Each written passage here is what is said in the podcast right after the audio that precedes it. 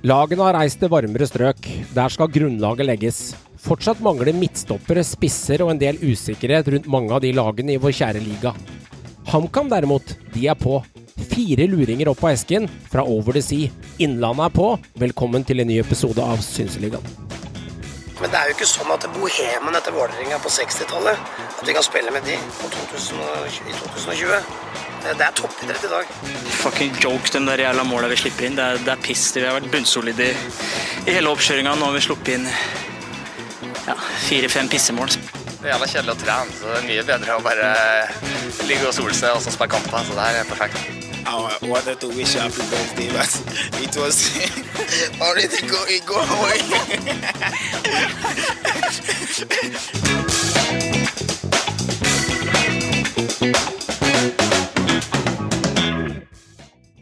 Jeg kjenner meg som HamKam, gutter. De har henta inn eh, fire luringer. Vi kommer tilbake til det senere i episoden. Men det er tredje-fjerde episode, Håvard. Vi allerede er på etter nyttår. Og vi sover ikke. Vi skal melde og smelle, og vi har eh, selvfølgelig agendaen full i dag òg.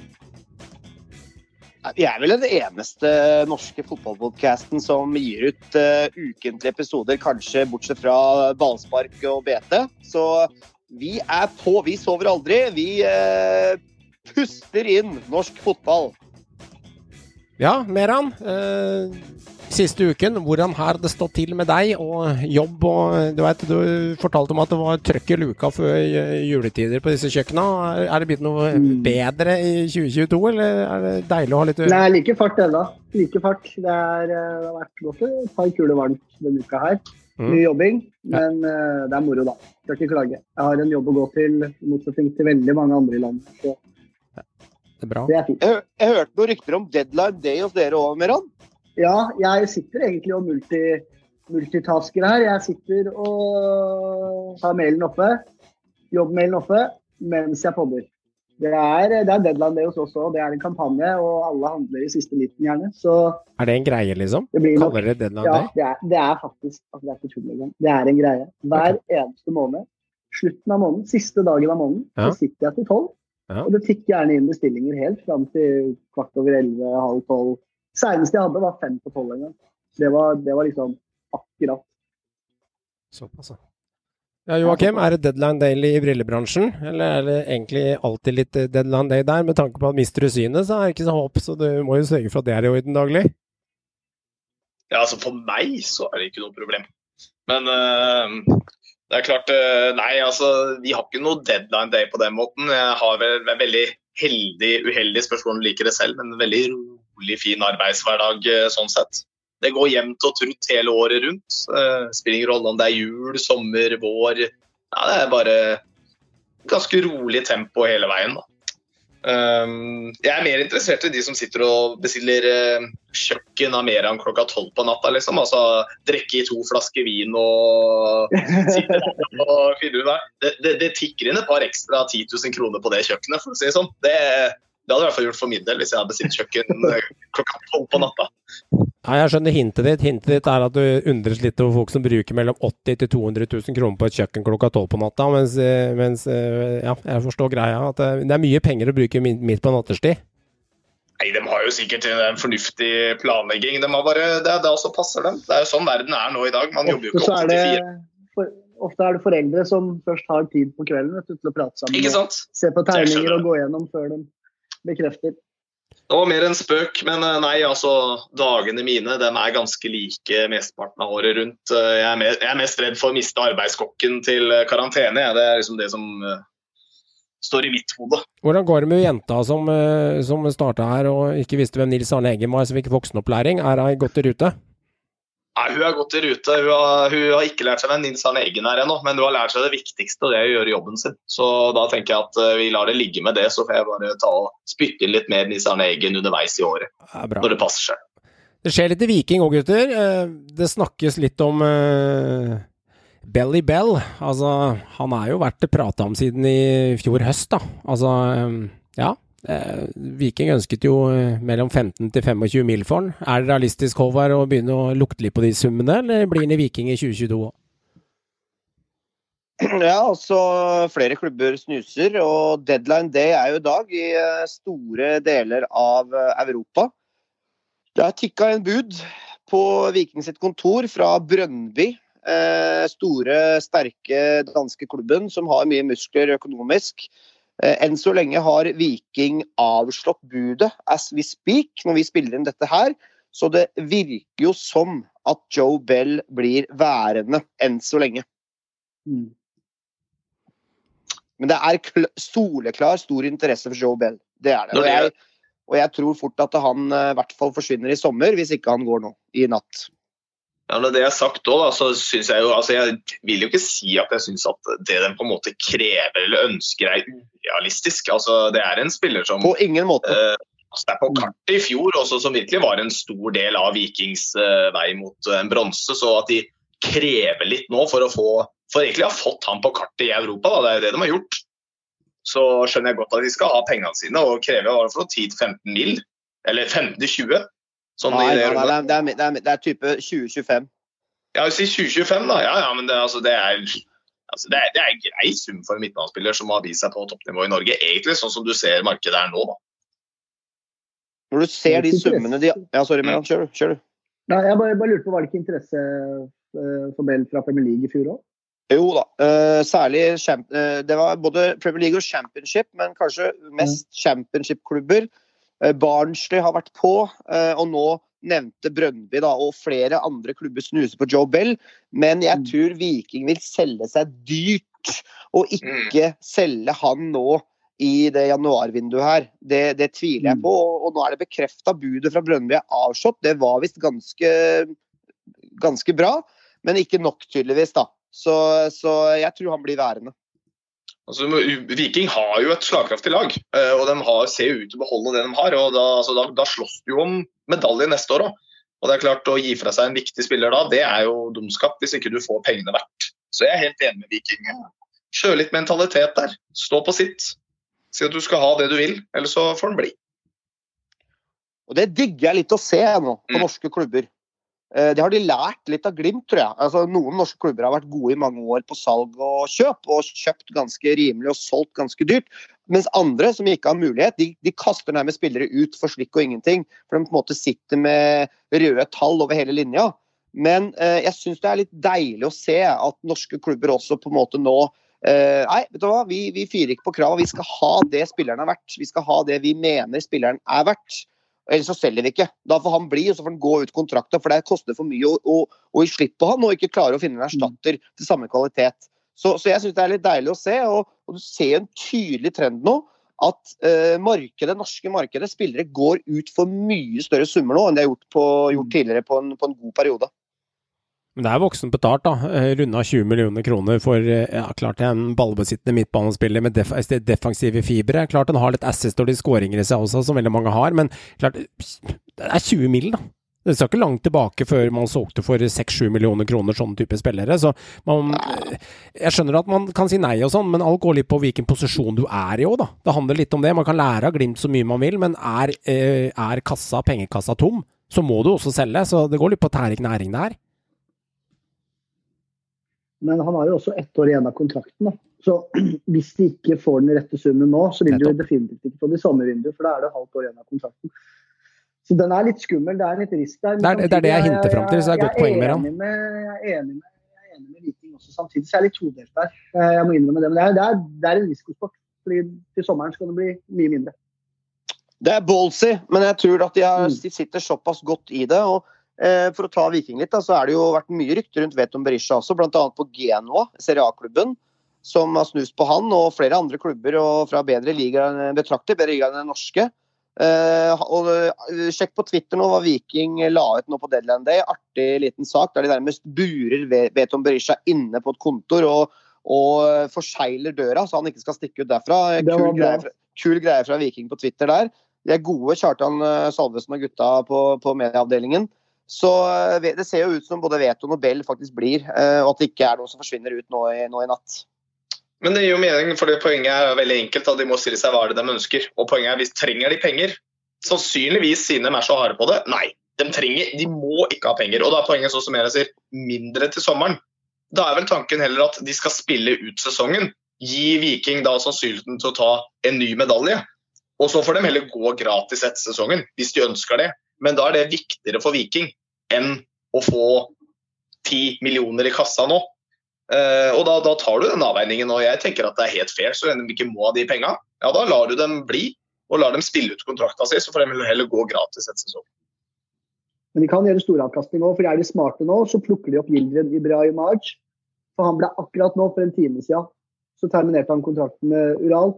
Så er Viking på her nå, så plukker de opp han, selger Bell, tjener penger og har Ibrahimovic på en ny toårskontrakt. Det, det, Men annen type spiller da, mer enn det er annen, veldig annen type spiller, annen, annen posisjon nå. Så Bell er ja, ekstremt er viktig. Han er maskineriet i det vikinglaget på sentral midt der. Det er vanskelig å finne sånne kvalitetsspillere for den summen. Altså. Det, så jeg skjønner Viking godt her, faktisk. At du, du skal ha den summen du skal ha. Og når du tenker at Patrick Berg går for 40 millioner i ja. samme type rolle, så skjønner jeg at Viking skal ha betalt her, altså. Ja, det forstår jeg, men tar du fire år tilbake i tid, klart det er en stund da, i fotball, men det er jo ikke mer enn 1300-1400 dager, så satt man og grein over Samuel Alegbendro for 13-14-15 millioner kroner til Rosenborg når han dro den gangen, og klubben var på vei til nedrykk og ikke hadde, eide ikke nåla i veggen og måtte selge. Nå sitter du i en posisjon der du kan si nei, og du kan velge å selge. Og jeg hadde jeg vært vikingsupporter, så kan du ikke bitche om dårlig økonomi om et år eller to hvis du først sa nei til Bell på 20 millioner kroner i 2022 fordi man ble for grådig. Så skal, det, er en, det, er en, balansegang her. Jeg, jeg, mener selv fisken mens du har den. Eh, for at det kommer alltid dårlige tider også. Alt som går opp, skal en gang ned. Så ja, de kan sitte nå og være høye og mørke i Stavanger og tenke at eh, vi skal ha godt betalt for når vi er godt skodd, men eh, det kommer plutselig dårlige tider. Og da er du ikke lenger godt skodd, og da har du kanskje ikke den spilleren til 20 mill. du kan selge lenger for da kommer det dårlige tider. Så det er, det er veldig vanskelig, dette her. Eh, så jeg er litt mer der, da. Gutter, Dino solgt til Sør-Korea. Syns han dro ut en grei pris, ja. 8-9 millioner kroner, et eller annet sånt noe. Han var 8 eller 9 eller 10 eller 7, det spør jeg ikke helt ennå, men det ligger rundt der et sted. Eh, grei pengepris for en eh, såkalt, eh, ja hva skal jeg si for noe, tidenes målskårer statistikkmessig, men hatet på folkemunnen, Håvard. Tidenes målskapper er å dra hardt i, men uh, tallet er helt OK når du ser på reine tall. Det vi snakka om før. de er ganske sinnssyke, hvis du ser på reine tall. Ja, sinnssykt er det vel ikke å ta i å si, men, men ja. Uh, I forhold til hva han har prestert i ligaen, så er det jo fine, pene tall. Ja. Det er jo, og, og summen, uh, summen Ja, underkant av 9-10 millioner, leste jeg, til Sør-Korea. Altså, ja. Det er godt betalt, spør du meg, for Dino. Hva kom han for? Jeg veit ikke. ikke. ikke. i nærheten av den summen der, tror jeg. Nei, det tror jeg ikke. Det tror jeg Nei, det gjorde han ikke. Kanskje halvparten. Ja. Ish. Det vil jeg tippe. Dette her er en av de bedre tingene Mikkel Dorsin har gjort i Europa siden han kom dit. Så enkelt er det bare. Altså, Å klare å få den summen for en spiller som Ja, statistikkmessig, ja, greit, men som spillemessig ikke har vært i nærheten av å holde et nivå som er, som er topplag verdig i Eliteserien. Altså, han har ikke vært i nærheten engang. Ja. Han kunne funka på Mjøndalen, liksom. det hadde vært greit. Da hadde han gjort en fair figur, sånn som han har spilt. Men altså, er, jeg syns det er, jeg kjempe, jeg synes det er. Jeg skal applaudere det, at uh, Rosenborg klarte å dra i land den summen. Jeg synes det er et godt salg. Det er ikke noe, det er ikke noe, det er ikke noe dårlig deal, det. Nei, det er ikke noe dårlig deal. Det er en god deal. Og han kommer til å trives og være kongen på haugen borti Sør-Korea. Og ta skuldre inn et par baller der. Uh, kne inn en ball i ny og ne, og så kanskje få tåa på noe i ny og ne. Det, uh, jeg tror det er en god deal for alle parter, tenker jeg. Kanskje ja. ikke den sørkoreanske klubben, det vet vi ikke ennå. Men. Men skårer han 18-20 mål i ligaen der, så kanskje happy de også? Ja, ja. Og så har jo Børkeie har kommet uke siden, Tobias. Og så i tillegg så har Rosenborg sikra seg 22 år gamle midtstopper Renzo Giampolo eh, på lån fra argentinske storklubben Boca Juniors eh, ut 2023, faktisk. Så i to sesonger, i tillegg til at de har fått et opsjon på kjøp der. Hvilken sum den som de foreligger der, det vet ingen enda. Eh, har litt ukamper i tillegg der, så det kan jo være spennende. Er det noe fiasko, eller så er det noe helt eh, Lago Urgorai 15 eh, år tilbake. Ganske sinnssyk. Eh, vi veit jo aldri hva vi kan ende med her, så Håvard, jeg merker at i blikket ditt så er du passe imponert. Jeg elsker sånne overganger. Jeg elsker når søramerikanere Når man henter brasilianere, argentinere, om det er Rosenborg eller hvem det er. Jeg elsker, jeg elsker sånne spillertyper som kommer inn. Og når du spiller i Boca Juniors Du har vært på landslaget U20 Argentina. Du har starta kamper for Boca Juniors. Han er 22 år. Det er en storklubb, altså. Dette her er, ikke noe smågutt. Dette er ikke Mjøndalen han kommer fra. Det er 100 000 på stadion. Altså, det er en vanvittig stor klubb. Når du er i nærheten av å spille fast der Han har ikke vært fast. Han er på benk, han har spilt litt kamper i ny og ne. Er vannskorpa U20 Argentina. Hallo! Det er enormt. Men kultur, språk, sånne ting kan ha mye å si.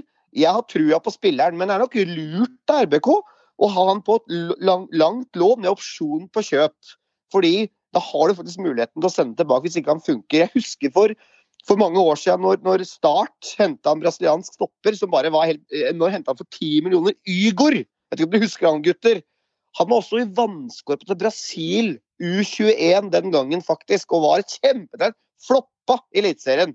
Så det kan skje at stoppere som liksom har, eh, har up and coming og har så veldig spennende prospekter, flopper da i, i en annen type liga, annen type kultur, annen type land, selvfølgelig. Men, men jeg syns dette er en kul overgang for RBK.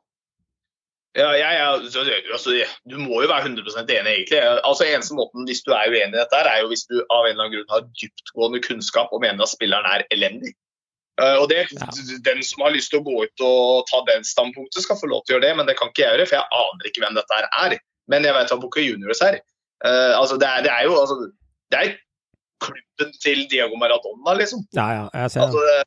Carlos TV spiller der, det gammel United-helt. Det. Ja, det er enda, altså, det, er, altså, det er en gigantklubb, og bare det alene er jo altså, De har jo sikkert noe input på nå. ikke sant? Det er ikke, Ja dette er ikke en fyr de bare har, de bare har random fått tilbudt. altså Det er jo en fyr de veit litt om. Altså, det er- altså, Nåløyet er så trangt å komme Ja, inn i boka. Det er Det så er trangt.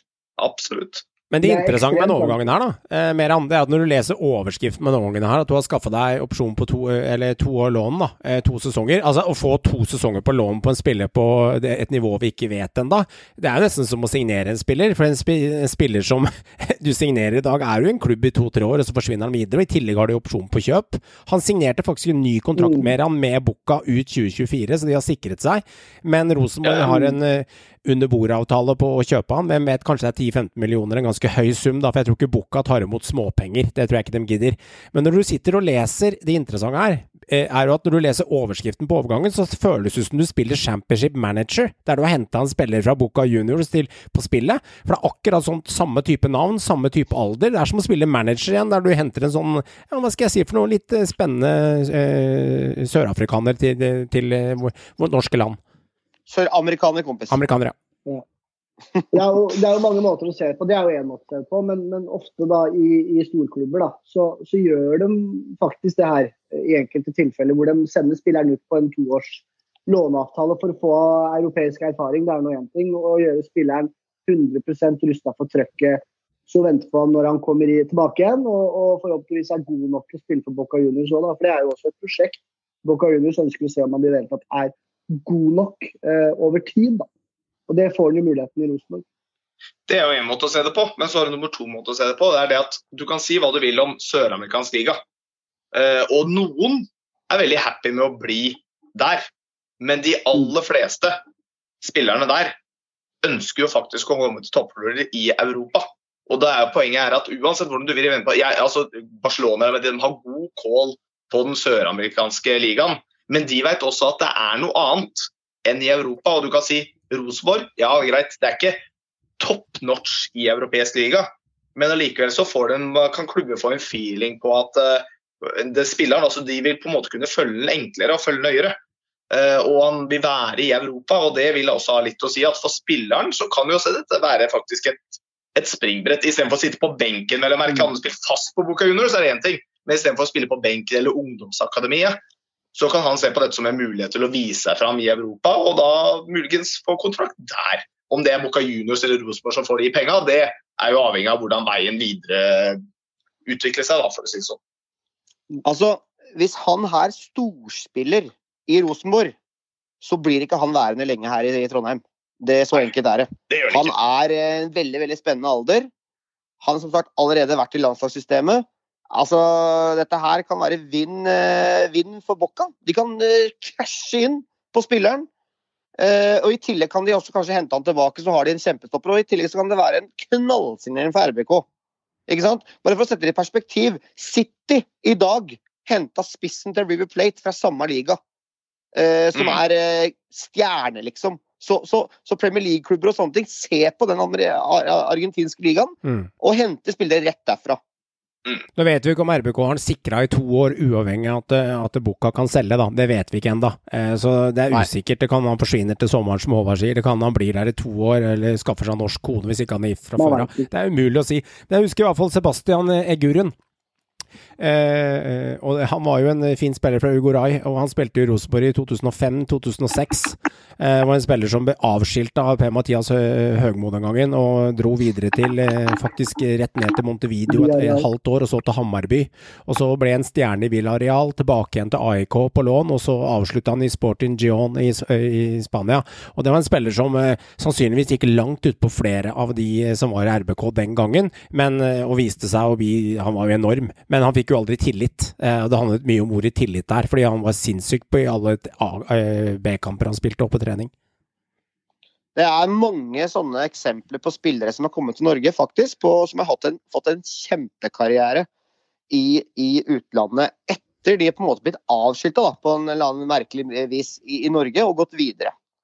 Eh, så, så, så, det, er, det har faktisk skjedd. eh, Omar Niasse, Brann-spissen, husker dere han? Ja. Altså, han var, fikk jo knapt spille på Brann 2. Ja. Altså, jeg kødder ikke. Han fikk, ble Premier League-spiller, russisk liga, stjerne i tyrkisk fotball. Brann kasta ham på dør som han var en uh, altså, uh, nesten sånn uh, suseladd. Du er ikke i nærheten av å spille på Brann 2, liksom. Og, og, og han, han kasta dem ut, og han ble stjerne, liksom. Så, så, så så feil kan man ta. og Det handler litt om sånn kultur, ofte, da. Å komme Ja. inn i og, og få Kultur tillit. og miljø. Absolutt. Og, og der er kanskje ikke alltid norske klubber like gode, selv om de selvfølgelig har truffet på veldig mange også, da. Det skal sies. Holse signerer ny kontrakt for Rosenborg, så det virker som han skal være med videre. Lille driblefanten og allvendige midtbanespilleren der, så vi får se åssen det går med Carlo.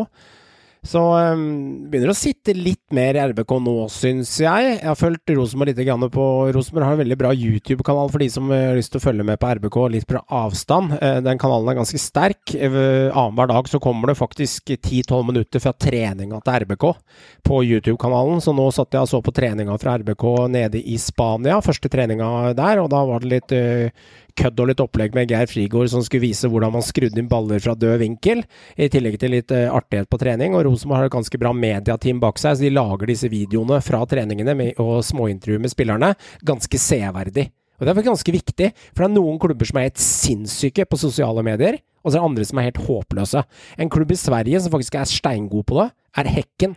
De er kjempegode på sosiale medier på Instagram, mens andre norske klubber virker ikke som de vet hva Instagram er engang. Så det, er store forskjeller faktisk i Norge på akkurat det greiene der. Så følg litt med. Så jeg syns det er litt mer stabilitet i det RBK driver med nå, selv om jeg ikke er så happy for Rekdal enda, men, eh, men eh, det vokser vel på meg et eh, lite gresstrå, så får vi se, da. Jeg må si objektivt, fra sida, så syns jeg det begynner å se spennende ut. Og jeg forventer enda flere inn. Og det kommer. Ja jeg er veldig, veldig veldig spent på åssen list de legger seg på videre nå, for nå har de fått inn en del cash. Og de har kvitta seg med Vecchia. Sannsynligvis tidsspørsmål, for han også forsvinner. Ja. Får de en uh, 10-12-15 mil, så selger de. Ja, Som vi snakka om sist, såpass skadeutsatt spiller, som heller ikke er veldig ung. Så han tror jeg kommer til å gå til denne Singapore Lion King eh, City Tjoahei-klubben der. Eh, nå sa jeg Lion King på tull, den heter ja, Lion City. Skjønte det? Eh, og, og han tror jeg kommer til å bli solgt, og da har de enda mer cash å, å hente for. Og jeg er veldig veldig spent på hva som kommer inn. Mer. Og sånn sett så er det også veldig viktig at de faktisk gjør de stegene. da, At de sikrer seg en fyr som Holse. da. Når liksom Seid og Vecchia altså de, disse er spillere som kan gå vekk. Du kan ikke bare kvitte deg med rubb og rake. Du må sikre noe av den grunnstammen, du må sikre noe offensiv kraft. Så kan du få inn nye spennende. Men du kan ikke, altså det er ikke alle som er Glimt. Det er ikke alle som kan bytte ut tre rekker foran og allikevel vinne ligaen året etter. Altså det, det er ikke vanlig, da, for å si det sånn. Det er ikke normalt. Så det er viktig med litt eh, kontinuitet òg. så jeg tipper at Rekdal nå har funnet ut hvem han på en måte absolutt ønsker å ha med videre, og hvem han kan klare seg uten. Og Det er et statement, og det er viktig. Faktisk, Det er viktig for en klubb som Rosenborg. Altså merker jeg på de intervjuene, intervjuene også som gjøres av Rekdal og av Frigård, når de holdes i intervjuen. Det skal sies, der skal de få en liten blomst i, blomst i hatten av meg. Ikke fjær i hatten, men blomst i hatten, som jeg ville sagt. Og eh, det er eh, Du merker at Rekdal er ganske innbitt på de intervjuene, og du merker at eh, han og Frigård er veldig opptatt av at dette er deres sjanse til å få en toppklubb. Dette er deres sjanse, og den skal de gripe, koste hva det koste vil. Det merkes i intervjuene. Så hvis jeg skal gi dem noe, selv om jeg har vært en eh, skeptiker av de to, så er det det at eh, jeg tror ikke de gutta legger en dritt imellom for å få Rosenborg opp dit de skal ha dem. Så de kommer til å gripe den sjansen for alt det er verdt. Det skal de ha av meg. Eh, det, er mye vilje her, eh, og det merkes i, når de prater. Så det, mm, det, det er bra. En klubb jeg spådde litt nord og ned, eh, som jeg allerede har eh, kasta litt under bussen før vi egentlig har starta, det er faktisk Haugesund. Jeg har jo sagt allerede at det kan blande seg inn i nedrykksstriden i 2022. Og ja, hvis Krygård er linka eh, i Altså, eh, er det ikke han eh, softiskongen? Softiskongen er linka av gårde til polsk fotball. Eh, og det er en god del som har gått ut slusa. Altså, det kom, ser ikke ut som det kommer så mange inn her, Håvard. Så akkurat nå holder jo spådommen min før kampene er spilt, da. Det er jo horribelt å spå noe sånt før kampene er spilt. Den holder litt vann enda. Altså jeg begynner å synes at Haugesund begynner å se mer og mer ut som en eh, virkelig nedre halvdel-kandidat, og kanskje til og med lukter litt på dumpekandidat. Altså, de er ganske avhengig nå at uh, Søder og Martin Samuelsen, disse lokale heltene som har kommet tilbake, skal begynne å levere i 2022. Altså, de må, de må levere målpoeng. De må få inn stopper. Eh, Tidemann eh, har dratt. Eh, Desle dro i fjor. De, de har, det er tynt i Haugesund. Krygård på vei til Polen. Velle allerede dratt til Polen. Så, så Safaires fra Grorud, liksom. Altså, ja, spennende spiller. Veldig ung. Uprøvd på det nivået her. Det ser tynt ut i Haugesund. Jeg hadde vært bekymra hadde jeg vært FKH-supporter. Ja, altså det, altså Utviklingen nå er Det går jo på en måte feil vei med alles øyne. Eh, og sånn er det jo bare. Eh, jeg begynner også Jeg føler liksom at altså Jeg var egentlig uenig i begynnelsen, for altså å tappe veldig, det, det kunne de klart. Det er greit. Men du kan ikke drive og kvitte deg med sentrallinja på den måten her, på en måte, sånn som de holder på med nå. Og kvitte deg med sentrale spillere fra i fjor uten å fylle på med noe som funker. Det ser man jo i fjor. altså Eliteserien er ikke en, det er en veldig jevn liga. Det skal ikke mye spillere ut til hvis du får inn dårlige erstattere. Før, altså, så, ja? Se på Godset i fjor. Én spiller inn, og så plutselig var det velta litt om, og så virka de OK igjen. Og Det samme skjer med en spiller ut. Eller to, eller tre, da. Da havner du liksom på baksida. Så jeg er enig. Det, det ser tungt ut. Og nå glemte vi også å nevne Sandberg, som, jeg, som er også Ja, ikke sant? til Viking, til konkurrenten. Altså, altså, det er så å si hele sentrallinja til Haugesund er borte. Den er borte. Og så har de ikke de, de, de, de, og de er rakafant. De altså. har jo ingen penger. De- Altså, de, de- har jo gått de ut må- i media og sagt Ja. at de ikke har penger. Altså, Ja, det, det, er det har, vært, det har vært store saker på hvor, hvor dårlig stilt de er økonomisk. Så de de henta inn i fjor, de må virkelig overgå seg sjøl. Og Søder må begynne å bøtte inn en som han gjorde i storhetstida. Altså. altså ser stygt ut eh, på Haugalandet. Ja, ja. God gamle Søderlund, du veit aldri. Men jeg syns jo spissbare Søderlund eh, Samuelsen Jeg syns ikke det er det verste de har eh, helt der på toppen, da. Eh, altså, han er ganske småfrekk, han, han yngste av dem òg. Jo da, men hvem skal servere dem? Ja, helt riktig. Altså, Ja hvem kommer bak? Hvem skal servere middagen? Det blir, det blir, kanskje det blir han danske vingen. Det ryktes om en dansk, litt yngre ving inn her, eh, uten at jeg har navnet på han. Men det ryktes om at eh, det er noe på gang der med noe prøvespill og nede i, i, i, i Spania eller Gran Canaria eller hvor de trener. At det er på vei noe der. Men eh, vi får se. Vi får se. Eh, Benjamin Tidevann Hansen er jo linket til Molde. Jeg vet ikke om det er i boks ennå, eller om det er rett rundt hjørnet. Ja.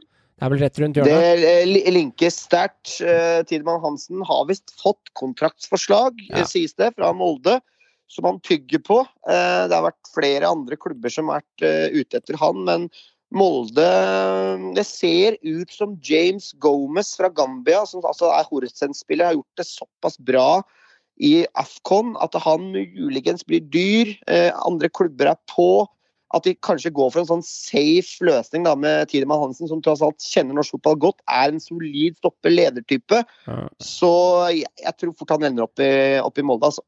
Jeg vet, kanskje Rosenborg kommer siste, si- siste liten. Ja, ja, ja. her. De har altså, vært linka, en òg. De har stopper vært til. linka, de. Det Det gjør gjør det. Men om, om det er hold i de ryktene, med tanke på at Rosenborg henta han uh, luringen fra Bukka, det veit jeg ikke. Eller om det er bare mediaskriveri, det er jeg faktisk litt usikker på. Men eh, det krangles om litt bensinpenger og litt, eh, litt kaffekuponger til slutt her, så den kommer vel i mål eh, med Hansen og Molde på kontrakt, tenker jeg. Og Siden vi er inne på Molde, så er det jo eh, denne OI-erstatteren da, som, eh, som de leter med lupe etter. Og nå ryktes det jo en eh, svensk storskårer Mm. på vei inn, Aleksandr Jeremjev, som tross alt har eh, gjort det meget bra i Allsvenskan over tid, både for Malmö og særlig Hekken, der hvor han spiller nå, kl- eks-klubben til Søder. Den der lille Göteborg-klubben som Per Messias eh, Høgmo eh, er, er nå, og Even Hovland og mange andre nordmenn, Tobias Heinz osv. Han eh, linkes til Molde, og, og det er en proven goalscorer i svensk fotball. Som er jo også en fin alder. Stor, sterk, god avslutter. Han eh, seiler jo opp som en sterk kandidat inn som ny eh, target-spiss i Molde, da. Ja, altså, jeg tenker jo Han sitter jo på ca. det samme som Dino Islamovic. da. Så da tenker jeg at da må jo dette være et kjempebuy for eh, Molde.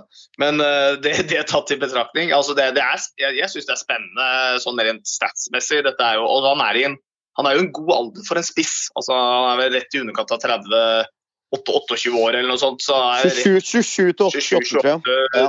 Det er jo, altså, bør være i sin prime da, eh, når det kommer til eh, å være en eh, toppspiss. Jeg Har prøvd seg litt forskjellige steder. Men han har jo fungert godt i Sverige. Og har vel et snitt skåret på sånn 40-50 i 40-50% stort sett sånn overall. og det, altså det er ikke gærent. altså Snakker du en 15-16 mål, så det er ikke helt OI, men det er klart, det er ikke gærent det for en eh, spiss i Eliteserien heller. Det er det ikke. det som er et ankepunktet, er faktisk det nettopp det at det kommer en del svensker eh, fra, Ja. fra, fra Allsvenskan som har et navn. Eh, og som eh, Det er selvfølgelig altså, omvendt også, mange som gjør det bra, men, men det er en del spisser som sliter med å tilvenne seg norsk fotball. Eh, og offensive spillere, da. Som, som faktisk Det er en annen type fotball. Det er mer tyt, tut og kjør og fysisk i Norge enn det er i Sverige. Så det, det er det en del som sliter litt med, altså. Så det er jeg veldig spent på om, hvis de lander på han, om han kommer til å slå til. Det, det er usikkert. En annen ting som også er litt sketsjy, sketchy, i hvert fall som sagt, jeg har ikke sett den, så jeg har liksom bare gått inn og sjekka noe stats og sånn, så virker det som han kom tilbake igjen til hekken etter et sånn mislykka, halvveis mislykka opphold i utlandet, Ukraina eller et eller annet sånt. Og i fjor virker det ikke som han egentlig fikk spille noe særlig. Spilte ganske mye i Hekken i fjor, Men han gjorde det. Men, men, eh, men han Eh, blei veid og funnet for lett, veid og altså- funnet for lett i, eh, i, utla, i andre ligaer. Tyskland annet, Ja. hvor han har vært. Har ikke bøtta inn mål der, altså. Nei, det kan hende det er Ja, en backup bare- fra Molde, da. At de henter inn har som backup, og så har de enda en storfisk i, i, i sida her som de skal plukke inn. Det, det er jo ikke, det er ikke De har jo de to fra før òg. De har to fra før, vet du. Det er en, eh, det er en inni miksen der. Jeg, jeg er ganske sikker på at det, han kommer til å koste litt, altså. Ja, altså he, he, han hekken, hekken selger ikke han for en, eh, en eh, liten slant med penger. Her må de bla opp litt. Grann. Og er han interessert i å være, gå fra backup i Hekken til å bli backup i Molde? Det, altså det poenget har du egentlig gått altså det, det, Molde er en større klubb, men allikevel, hvis du ikke får spille, så er jo poenget borte. Han har nettopp vært på et utenlandsopphold. Men- altså han, er, han skal se hvordan hvor han kan spille fotball.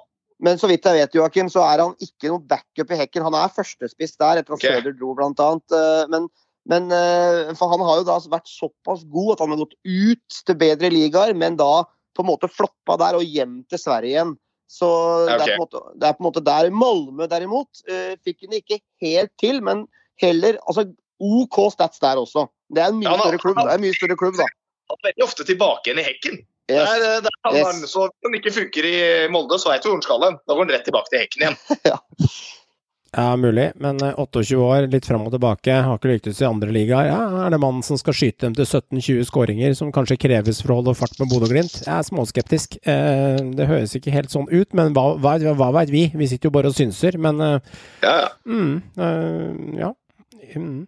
Brenden Jerv, eh, Meran. Det er sånn der, Når jeg hører Brenden, Meran, så høres det ut som Skålevik som vandrer fra klubb til klubb, og ingen bryr seg, og netter en scoring i ny og ne. Det er litt sånn over Brenden. Og så har vi Amadou Diallo. Fantastisk navn. Det er jo Må jo nesten være i familie med godeste Mamadou 15-20 år tilbake. Så han er jo ikke det, da, men, eh, men det er litt sånn.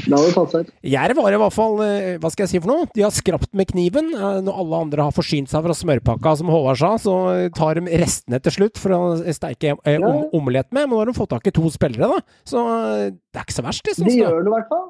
De, de gjør noe i hvert fall. De prøver. De viser at de, de, skal, de skal være med å representere i Eliteserien i år. Ja. i hvert fall møte opp til kamper, og det er bra. Så, men, men hva skal de gjøre? Men det, er, men det er jo i og for seg bra de er på, da. Og de henter jo Ja, Brenden er jo Det er jo fra den hylla de kan hente, da. Ja, det er litt, Det er ja, det er litt, jeg er på samme Nei, altså, ikke sant. Dette er liksom Det er liksom sånn du forventer det, det er egentlig ikke, Jeg syns det er en bra henting, fordi det, det er en spiller som i hvert fall har Han har spilt på et ganske høyt nivå. Han har vært med på et høyt nivå i norsk Har eliteserie. Han har ikke gjort det noe sånn voldsomt nødvendigvis bra, men han har vært der og han har spilt kamper. Han har fått kamper. Han har fått kamper Kan bare si det som det er, Joakim. Har aldri vunnet noe. Ferdig. Han har bare Nei, vært med. Men, men jeg får ikke folk som har vunnet noe. Altså, det får være litt grenser. Og så er det en fyr som en fyr ingen veit hvem er, annet enn at navnet hans ligner på Mamadou Diallo. Og bare det er jo nok. Ja, det er nok. Dette, bør være, altså, dette bør jo være spennende. Selger 30 drakter, det ene Jerv. Altså, altså jeg syns sånne signeringer altså Fransk, Amadou Diallo Altså vært i, eh, i eh, klubber som er bra klubber i Frankrike. Eh, Riktignok spilt mest på nest øverste nivå, men det trenger ikke å være så negativt når du er jerv. Han har spilt og kommer da fra type sånn aserbajdsjansk liga før han Altså, det er, det er krydderspiller. Du veit aldri hva du får. Han kan plutselig slå til han som de gjorde med Diego Campos. Kan være Han er og Vilnius Furtado, som de har henta fra sånne litt rare eh, markeder, Jerv. Så jeg synes det, er, det er selvfølgelig en risiko, men dette her har jo Sandstø snakka om. Det er en risiko på de vi henter. Vi, vi må Mm. hente krydderspillere som andre klubber kanskje ikke ser noe i, som plutselig kan slå til eller flopper totalt. Det er litt sånn de gambler, da, på mange måter. Mm. Og dette er jo en direkte erstatter for Diego Campos. Willis Fortale har jo spilt AFCON nå, og som Ja. sanser på mange måter eh, for Kapp Verde. Eh, Det er jo spillere de håper å selge, liksom. Altså, de, de håper jo å selge de beste spillerne sine. Og så få kanskje en, en slant med penger, og så, og så hente på litt sånn derre eh, Litt sånne rare markeder. Så må Jerv jobbe. Og de er nok Mm. glad for at vinduet er stengt nå ute i Europa, så de kan begynne å kanskje huke inn noe bossmann her og der. Ja, jeg tenker jo i bunn og grunn at uh, dette er en 5,5 millioner på Fantasy 2022, ja. Som et litt uh, som en, eh, Eller 5 Ja. millioner. Litt sånn Dark Horse, uh, sistemann på innbytterbenken, som fiker inn en assist og en scoring og dribler av to mann på Lerkendal og får en stang inn på Andre Hansen. Du veit aldri med en sånn type fotballspiller. Det er et godt poeng, da.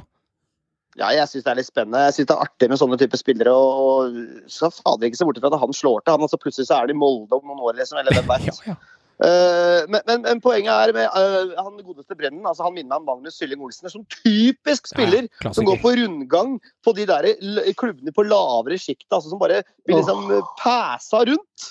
Eh, og, egentlig ikke er, og egentlig ikke er fast i noen av klubba. Men er sånn på rundgang. Og så er det én ting alle trenerne har å si om ham, utenom at han er, har, han har ikke eh, eh, X-faktor, han er ingen målskårer, men han er veldig arbeidsom og en god treningsspiller. Oh, For, yes. for, å si, for å si det sånn, jeg tror det som best mulig Hvis du googler Erik Nesbakk Brenden for å finne hvem det er, så står det at han har også spilt en spillefilm med Anders Bassbo Christiansen i 2004. Den heter Iver, og jeg spilte i i Elverum svømmehall. Oi, Innlandet med! Innlandet med. Innlandet med. Herlig. herlig. Lykke til, Jerv. Eh, Bra jobba. To spillere i bordet. Det er en fjerde i den gule drakta, det. Og angående Innland og Elverum, eh, HamKam Altså, Rekdal forsvant, Frigård forsvant. Problemet med stadion og kommunen og eh, fire-fem kamper utover sesongen der og billige greier. Men det skal ikke stoppe folka på Innlandet. De kan være, kan være som Tom Nordli sa, kan være impulsive bare for å tenke seg om. Nå har de diska opp her. Hadde jeg vært HamKam-supporter, så hadde jeg søren meg gleda meg til sesongen. Vi kan jo starte med Colby Hernandez Foster, for et fantastisk fett navn. Henta fra Wolfsburg. Vi starter med han. Ja, altså, jeg, jeg, vet ikke fryktelig mye om spilleren. Er amerikaner. Altså, blir sett på som et eh, altså, altså, Han er såpass god da, at en eh, Bundesliga-klubb eh, henta han. Riktignok ikke fått det helt til der, og, og kommet på, på, permanent avtale i, i Kamma. Og, og, men altså, jeg, jeg, liker jo at, at han kan lete på det markedet. da. Nå skal vi innom de andre gutta de har henta, men altså, nå har de da to canadiere to fra USA, keeper fra Guatemala. Altså, det er artige signeringer. Du hadde jo han spissen de hadde, Telonius Bear, som ikke er her lenger. Han ble jo tilbake til Vancouver Whitecaps, og han, han uh, jo bra med mål i Obos. så eh, de har, de har tydeligvis noen, noen, føtter innenfor det nordamerikanske markedet, altså MLS uh, og klubbene kanskje som er litt utenfor ligasystemet, som, som de leter etter. Og, og Sam Rogers traff det jo ekstremt bra på i fjor. Altså, Captain uh, America, Captain America mener du? Captain America, Sam Rogers. Ja, ja, ja. Uh, kjempestopper. Som, som, det ryktes jo at både Rosenborg og Molde har følere ute på allerede nå. Som han kan, kan cashe inn på. Nå har de jo henta flere andre. Og det skal vi jo gjennom nå, disse gutta her. Sam Rogers skal også inn på fantasy-laget mitt, Joakim, som dark horse der på laget. Han er sannsynligvis ja, men billig. Jeg er god, altså. Og jeg kommer ikke til å gi ja. meg på Captain America, for at uh, han som er Captain America på ordentlig, er jo Steve Rogers. Uh, han heter Sam, uh, men grunnen til det er at jeg, jeg, kommer ikke til å gi meg med å kalle han Captain America i løpet av hele sesongen. Det er kun en heder til deg, Sam Rogers, hvis du skulle føre på det, noen skulle kjenne til det. Rett og slett før det står i media at Captain America har satt inn, satt inn 1-0 på overtid på Briskeby. Da gir jeg meg. Si det på engelsk, så jeg skjønner det. Ja. Heter ikke også han derre altså han sidekicken til uh, Steve Rogers Sam? Jo, er, det er helt riktig. Han heter faktisk Det er helt riktig. Det er, det er den, det er den uh, første, uh, første afroamerikanske Captain American som er nymotens de siste fire årene, men originalen heter Steve. Korrekt. Joakim, du henger med her nå. Dette er bra. Jeg, jeg henger med nå. jeg hender på Captain America. Og for å, for å bli en sånn der amerikansk gjeng oppi der det, i Hamar, det er artig, så har du jo Julian Dunn, som er kommet fra Toronto FC. Litt sånn eh, ubeskrevet blad, men det var jo også Sam Rogers. Vips, så treffer kamma på han også. Altså stopper på nesten to meter. Ser ut som en uh, beist. Altså, det, Typisk amerikansk athlete. Ja. ja, ja, athlete er helt riktig med han. Altså gjennomtrent jævel. Så det, er, det er gøy. Og så har du jo han siste mannen som de kom med, Wingbeck fra Montreal FC. Uh, for uh, det, det fine navnet uh, nå, nå, må du hjelpe meg, Krog. Ja. Siste mann på vektskålen.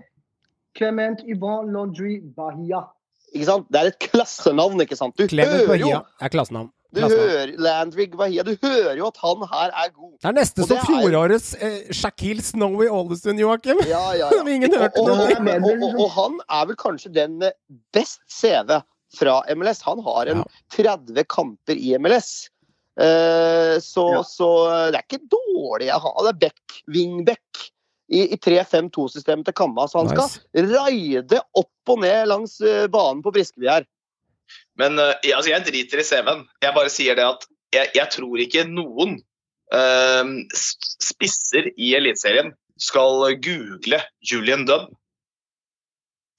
Uh, fordi da, da det, det, det, der er en, det er en spiller, tror jeg Hvis han faktisk hvis, han, altså hvis han klarer å omstille seg til norsk fotball, han blir vanskelig å komme forbi, for å si det sånn. Han blir tung å passere. Og så har vi jo kanskje en litt gråere overgang. men Det er jo Målpål, eller bare, eller bare nå Pål. Pål Alexander Kirkevold. Vi kaller han for Pål, vi, nå. Pål Alexander ja. Kirkevold. Mål, ikke målpål, han er eh, henta inn som ny eh, såkalt toppspiss eh, hos Kanna. Han har vært der før.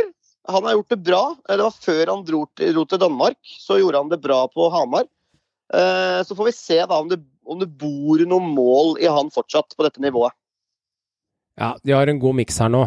Colby Hernandez Foster, Julian Dunn, Clement Bahia og Sam Rogers, Captain America. Eh, altså, de har jo eh, de, eh, det, er spenstig. Jeg, liker det jeg hører. Henter fra klubber som Montreal. Toronto, Wolfsburg, Oklahoma City Energy.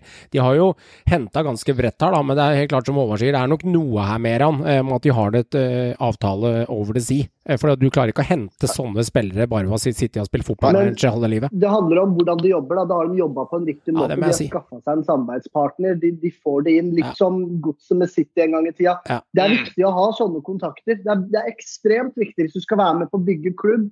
Det er første sesongen i Eliteserien på svært mange år. Det vil ta litt tid, og da er det greit å ha disse samarbeidspartnerne i bakhånd. Om hvem vet mer, han kanskje det var den ene eller to kontakten som har kommet gjennom Sam Rogers fra Oklahoma City, som også kjenner til andre spillere som kan ta steppet over til Norge, som har ført det steppet videre for, eh, for HamKam. Det, det er Altså, Espen Olsen, eh, litt sånn cowboy-sportssjef, han har veldig gode kontakter i det nordamerikanske markedet. Så det er, det er Espen Olsen som har jobba tett inn mot det markedet der, og, og han er en uh, luring på overgangsmarkedet, Espen Olsen. Joakim, uh, det er your turn, det er quiz time. Quiz, quiz, quiz. Så enkelt er det bare. Og det er deilig. Uh, ja, vi er i gang igjen. Uh, skal jeg gå gjennom Jeg tar og går gjennom disse kategoriene hver gang, jeg. Okay. Sånn at uh, folk får det med seg, for ellers blir det bare etterspurt allikevel. Så vi tar kategorien nå. Jeg gir dere en pekepinn på hva som er igjen. Eh, klubb er første kategori. Eh, der har dere igjen 100 og 500. Selv om det ikke nødvendigvis behøver å bety noe vanskelig der, har jeg skjønt, men det er en annen sak. Toppskåret har dere en 100, den er nesten ferdigtatt. Dere har igjen alt på årets nykommere og Eliteserien i 2021. Eh, har igjen 100, 400, 500 på rekorder. Og nordmenn i utlandet står igjen med 100 og 300. Så går vi bare rett på. Den som skal begynne denne runden, det er Meran. Er alt klart, Meran? Eh, vi begynner med Rett på, det liker jeg. den som var igjen på toppskåreren, da. Skal vi Skal vi fullføre kategorien. toppskårerkategorien? fullføre? Får begynne operasjon opphenting. Operasjon opphenting. Jeg tror du har valgt en, Ja. eh, et godt sted å starte. Ja, men så bra. Vi får se nå. Spørsmålet kommer. Hvilken spiller har flest toppskårertitler i norsk toppdivisjon gjennom tidene?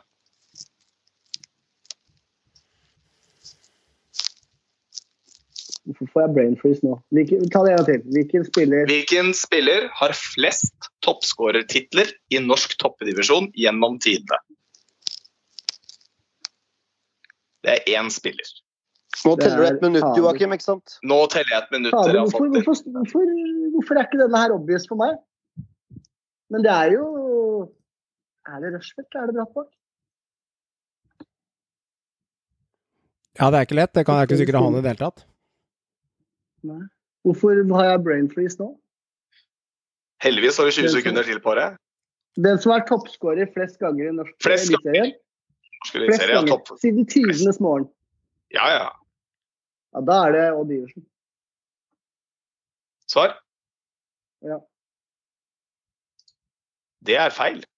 Da svarer jeg Ja, Harald Brapak. korrekt. Min favoritt. Du skulle stått på den første. Den er plankekjøring, Meran. Ja. Ja, ja, ja, Jeg burde ja. på Harald, instinktet. Harald Martin. Harald Martin. Harald Martin, innsida. Harald. Aldri hardt skudd. Plassering, pla plassering rist. Fem ganger, hvis dere lurte. Fy fader, nå begynner det å være lang i bakleksa her. Altså. Men jeg tror både- Iversen og Rushfeldt har fire, hvis jeg ikke tar helt feil. Jeg tror faktisk jeg, har- jeg, tror faktisk jeg har åra òg. Jeg veit han var det i 94, 95, 96, 2002, og så er jeg usikker på 2001 eller 2003 på den siste. Men ja, det er det siste. Hun hadde en pause i hvert fall et sted, okay. og så tok hun to på slutten. Blir det minus på Merando Ja. nå, eller? Ja, 100 minus. ikke? Minus mer, da. Da tar jeg 500 årets nykommer. Oi, Oi. Jeg går på alle broilerne nå. du må gønne du nå. Du må gønne nå. Enten hardt minus eller hardt Ja, det er offensiv enig Det er jeg enig. i. Det er Du må, du må satse all in nå. Greit. Er du klar? Bra, Meran. Nei. Nei. Hvor mange sesonger har de tre nyopprykkede lagene til sammen hittil i norsk toppdivisjon siden 1990? Sinnssykt spørsmål. Det er 500, jeg noe det er, det slingring. 500 Du får én i Stikningsmoen. En, ok, Ta det kjapt en gang til, for jeg, tida går. Antall sesonger de tre klubbene har spilt i toppdivisjonen i Norge siden Til sammen. Det vil jo da si Jerv, HamKam og Ålesund. Korrekt.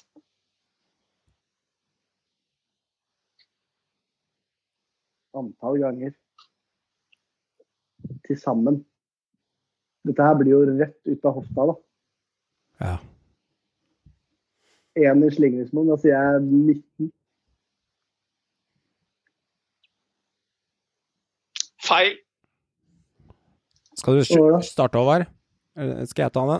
Tolv. Å ja, ja, ja. Feil. Jeg tipper uh, Jerv 1, tenker litt høyt. Og så tipper jeg eh, det første for Jerv.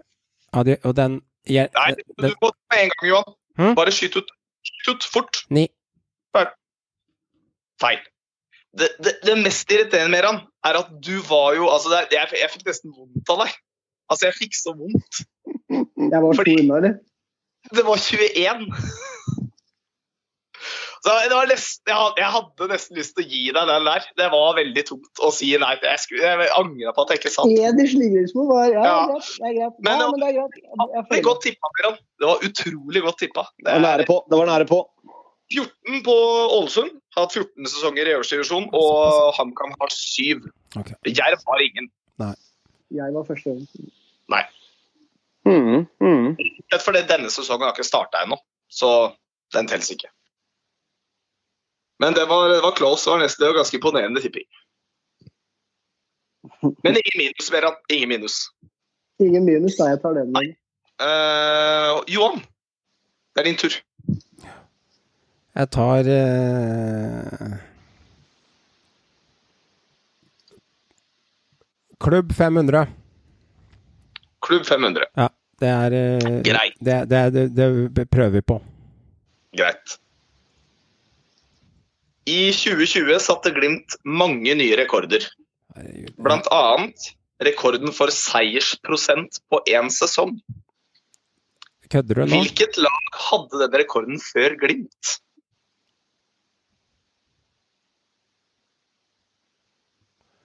Det er noe Seiersprosent.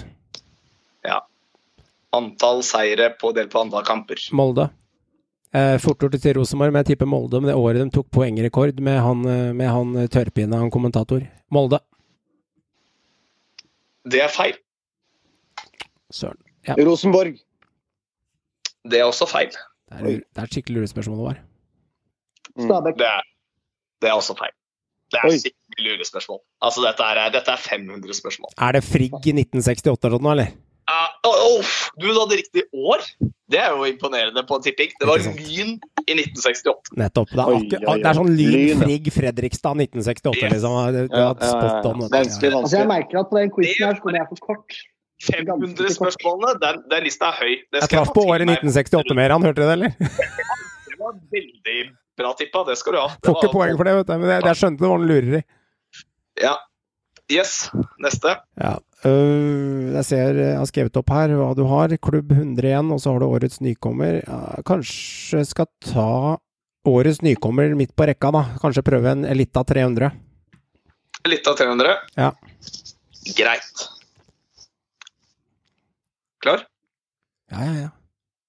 Hvem var toppskåreren til HamKam Obos-ligaen 2021?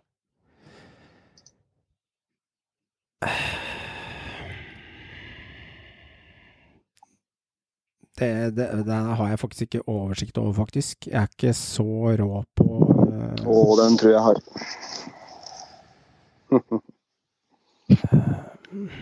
HamKam 2021. Ja Ja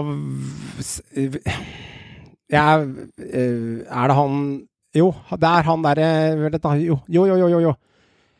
2021. eh, Det er ikke han eh, Det er han, han som eh, Jo Går tiden nå, eller? Jonas Jonas eh, Jo, det stemmer. Eh, eh, Jonas Enk, eh, Enkerud. Meran. Nei, det er korrekt, det. Yes da! Det stemmer, det! Jeg trodde han skulle ta feil, så jeg bare Nei, kasta ut det stemmer. Han, han, stemmer. han har, han har Rekdal snakka om at han Men han må, ja, det må, ikke at han skal hentes, men vi må, Den uh, hadde jeg. vi må betraktelig høyere enn 14 skåringer på Jonas Enkerud. Det var et eller annet innafor det. Åh, den var, det der var på henging snår. Hadde det ikke vært for Rekdal, så hadde jeg ikke klart det nå, faktisk. Du sitter ikke og Nei. googler på sida nå, Krogeren? Nei, ikke ah, det. det er litt borti hjørnet, syns jeg. ja, nå må vi inn! Det har vi aldri gjort. Nei, det er bare tull. Det er bra, bra plukka, det. Bra plukka. Men det er flaks. Det er ren, for at det handler bare om et intervju jeg har hørt. Det er det Flaks kjøper du på Narvesen. eh, Quote. Ja, det, er, det er flaks at den kom gjennom, Meran. Det er flaks. Kjør. Flaks. Eh, Håvard. Eh, norsk spiller i utlandet 300. Yes. Ok. Hvor mange er det igjen der? Er det Du- du skal 300 og 500 igjen på den? 300 og 100 er det igjen der. OK. Hvilken norsk fotballspiller har flest kamper i tysk Bundesliga Gjennom tidene. gjennom tidene? Rune Bratseth. Det er feil. Kjapt på de to andre. Jørn Andersen. Det er korrekt. Deilig. Det var de to det sto mellom. skjønner du. Det var de to det sto mellom. Men da er det et veldig bra 300-spørsmål. Føler jeg. Da er det Ja. bra, bra vekta. Bra, det. Ja, den var, den var sånn 300 akkurat, syns jeg. Litt vanskelig og litt på Ja, bra. Mm. Yes. Eh, jeg tar eh, Eliteserien 2021 400. 400. Greit. Jeg Syns nesten de nyere er vanskelig noen ganger, jeg. Når du skal sitte liksom og uh, Ja, Ja. ja for så Det vidt. er ofte. OK, nå kommer den. Eh, du får en én, samme som Meran. At eh, du har en pluss-minus én her. Mhm. Hvor mange røde kort ble utdelt totalt forrige sesong? Å, herregud, altså. Faen, for syk liste å lagt meg på, altså. Hvor mange poeng var dette 400 galskap? mange poeng Dette er, jo ikke, dette er jo ikke kunnskap, dette er bare bingo, dette her. Ja, det var Hvor mange, hvor, mange Eh, var dette, hvor mange poeng var dette her? 400. Hva er slingringsmonnet ditt, da? Én. uh, 28. Det er feil. Røde kort? Røde kort. Ja, skal jeg tenke høyt. Du har tre Nei, nei. Ja, Bare vi- Du må svare med en gang. Med en gang. 18. Ja, eh, 18 er for så vidt eh, korrekt, med slingringsmonn på 1, for det er 17. Ja, det var hofta. Ja ja, greit. Fy faen. Hvor mange minus fikk en på den? Altså, det er, altså, du var veldig langt unna det over, men det er jo tipping. Noe av dette her blir tipping. Sånn er det jo. Det er tipping, det er ikke kunnskap. Det er, Ja, det her er tipping. Dette er tipping. Bingo. Det er bingo. Bingo, Lotta Men, bingo. eh, det er greit. Det spiller ingen rolle. Sånn er det. Hvor mange minus var det for denne? 400. Oh my lord. Ja, da Men det er godt det seg tipp. ut. Ja, Så det er mer, det er mer god tipping denne runda her enn uh, kunnskap. Det er jeg enig i. det eneste som gjør at jeg klarte å tippe 18, vet du hva det var? Jeg prøvde å tenke høyt, men jeg fikk ikke lov til det. Jeg tror det hadde vært mer underholdning for lytterne hvis jeg hadde tenkt høyt. Jeg har hørt Ja, jo, men jeg hadde hørt, hørt en statistikk tidligere, for noen år siden, at du gis ut ca. 0,6 til 0,7 røde kort per runde i en norsk eliteserie. Og hvis det er 30 runder ganger 0,7, så havner du på en sånn 18 til 22 et sted. Det var årsaken til at jeg bare skøyt ut 18. Enkelt og greit. Så på en måte si at det har litt med kunnskap å gjøre. Ja, touch av kunnskap, men igjen, det Ja. Jeg, bryr, jeg bryr meg ikke om røde kort og sånn. Ikke sant, det er noe med det, og jeg vet at. Jeg vet at på gule kort så er statistikken helt annen, men det har bare lest en gang i tiden, så Jeg, eh, Det er ikke mitt uh, interessefelt, for å si det mildt. Nei, nettopp. Og Men blir det sånn. uh, Johan fikk igjen for det akkurat nå. Det gjorde jeg. Så gjorde han det. Uh, og da blir det jo litt mer, litt mer Nå er det litt spenstig, da, totalt sett. Uh, Jeg mista hele ledelsen min, jeg nå. Nei, du har ikke det. Uh, du, er, du har mista ledelsen. Men uh, du er close. Uh, Johan ligger jo nå med en liten eh, plusspoeng på 400, faktisk. Håvard har gått ned til minus 100. Fy faen. Og Meran, du har i hvert fall ikke blitt mye verre, Meran. For du har gått fra minus 1200 til minus 1300, så det er den beste runden din hittil. Så det er bra å Jeg spille på til neste runde. Jeg lever med det. Nå. Jeg det kan gå over nå. det. Det er ikke noe problem. Det snur fort her, da. Altså Nå traff jeg på 18 og Enkerud og Jørn Andersen, og det var ikke måte på, men det kan snu fort her. Eh, det kommer sikkert nye kategorier, og eh, ja, det, er- dette det er spennende. morsomme er at du fikk ikke alle poengene for det heller, fordi du, du sørga for at andre fikk minus. da, så på mange måter så Det var sånn han, det. Det er sånn, var sånn han dro, det er sånn inn denne runden. På, på en måte er det som senk, du, senk, du senka jo meg. på en måte er det som å få poeng, da, for at HA fikk jo to minus nå pga. dritt. Ikke sant? Så det er, liksom, ja, det er sånn det er. Men sånn er det. Det, er, eh, det svir å bomme på spørsmålet. Det koster litt noen ganger, og så har man litt touch, ja. Det er helt riktig. Ok, vel blåst eh, Joakim, vel blåst. Veldig bra. Ryddig og ordentlig, ikke noe tull. Og vi andre klarte å holde oss i fòret, så det var bra. Barmen har blitt enig med Ålesund. Eh, Det ser ut som mye fram og tilbake der. Det kom vel en lovnad om en fest eller to, i hvert fall sommerfest og nyttårsfest, og da signerte Barmen Håvard. Ja, øh, han, øh, han har fått forsikring om at festekulturen i Ålesund den skal holdes ved like. Nei, det er fra spøk til alvor. Eh, Barmen eh, Det har vært diskusjoner rundt lønn. Og, og såpass langt unna hverandre var de visstnok eh, for en stund tilbake at, det ikke på en måte, at, eh, at forhandlingene stoppet opp. Men nå virker det som at Kristoffer Barmen kanskje har tenkt jeg har ikke så mye å velge mellom. Det blir enten Åsane eller eh, Ålesund. Han har nemlig vært på trening med Åsane og var kanskje ikke så lysten på Obos-ligaen. Å få være med opp og spille, spise kirsebær med de store, eh, det tror jeg frista litt. Og han har en veldig god tone med Lars Arne Nilsen og blitt satsa på der, så jeg tenker det er en trygg, grei signering av ÅFK. Og, og, og jeg tror ikke hele Barmen har så fryktelig mye mer å velge blant, for å være helt ærlig. For at han skal kunne spille eliteseriefotball, så var det Ålesund eller ikke noe, tror jeg. Så Mm. det er nok en eh, helt grei OK signering. Og så får vi se da om det blir eh, fast spilletid på Barmen eh, på, på Ålesund. Ramos. Ja da, det For meg er Barmen alltid i alle åra når jeg sitter og sett på fra avstand. Så det har vært sånn klubb, en klassisk klubbspiller og skårer et mål på huet i ny og ne og arbeidsom. Det er, for meg har vært en sånn stallfyrspiller. Jeg skjønner han har spilt for Brann og har vært der i ni-ti sesonger og jeg ser på som sånn minilegende i klubben øh, på mange måter, men øh, ja, det er litt sånn, les overskriften og så går vi videre. Men nestemann i bunn og grunn, Sten, eh, Sten Grytebust, altså hvis han kommer tilbake fra FCK, så ser det ut som de såkalte bunnlaga her, da, med Ålesund og HamKam og sånn, de har virkelig vært på her, så det virker nesten som Altså, det er jo en ganske bra keeper. Altså Sten Grytebøst er landslagskeeper, vi skal ikke glemme det. Han har vært uh, flittig i troppen til landslaget og spilt fast for Odense og eh, FCK en periode. Nå er han litt ute i kulda i FCK. Vært utlånt til andre danske klubber. Så stranda overgangen til IFK Göteborg, som han var eh, på vei til, og det var egentlig klar for å signere, så stranda det. Eh, Og nå ryktes det at ÅFK er veldig på for å hente han hjem. Han har blitt 32 år nå. Det er ikke noe alder for en keeper, men det er en solid eliteseriekeeper. Det er jeg temmelig sikker på. Så det, det er en, eh, en god signering hvis de klarer å hente han hjem. Altså det man også må huske på når det gjelder keeper, da. Altså det er liksom Poenget er at liksom om en keeper ikke har spilt noe særlig i en klubb eller ikke, det er, det er jo en, veldig, en posisjon som er helt annerledes enn alle andre.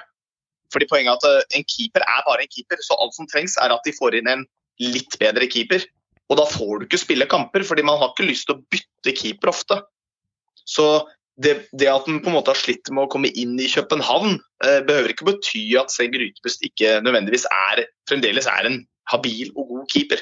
Det er bare det at de har henta inn en ny en som er hakket bedre. Og da, da får du ikke spille, da. Fordi du ønsker jo at keeperen skal spille hver kamp om du vil, fordi det handler om å bli trygg i målet. Så det er altså Herregud, skal du hente en ny keeper, så kan du ikke Ålesund hente noe bedre enn Sten Grytebust. Altså det, det er top notch av hva de har sjanse til å hente. Det Det er klassesignering. Det er Ja, ja, ja. Ja, Hvis de får han, er jo ikke bekrefta ennå, er det ja? Så, den, Nei. nei. Men Nei, nei. det er vannskorpa. Men jeg, jeg tenkte på en liten ting. Jeg, jeg syns det skal være en fordel for en keeper noen ganger å spille for et lag som ikke er blant de øverste laga. Én, en, han blir skutt god, det er det ene. Han, han får mange sjanser imot. Han er utsatt for mye arbeid innenfor 16-meteren. Han må stadig utsette for straffespark, fordi laget får mer straffespark i snitt mot seg enn de bedre lagene på tabellen.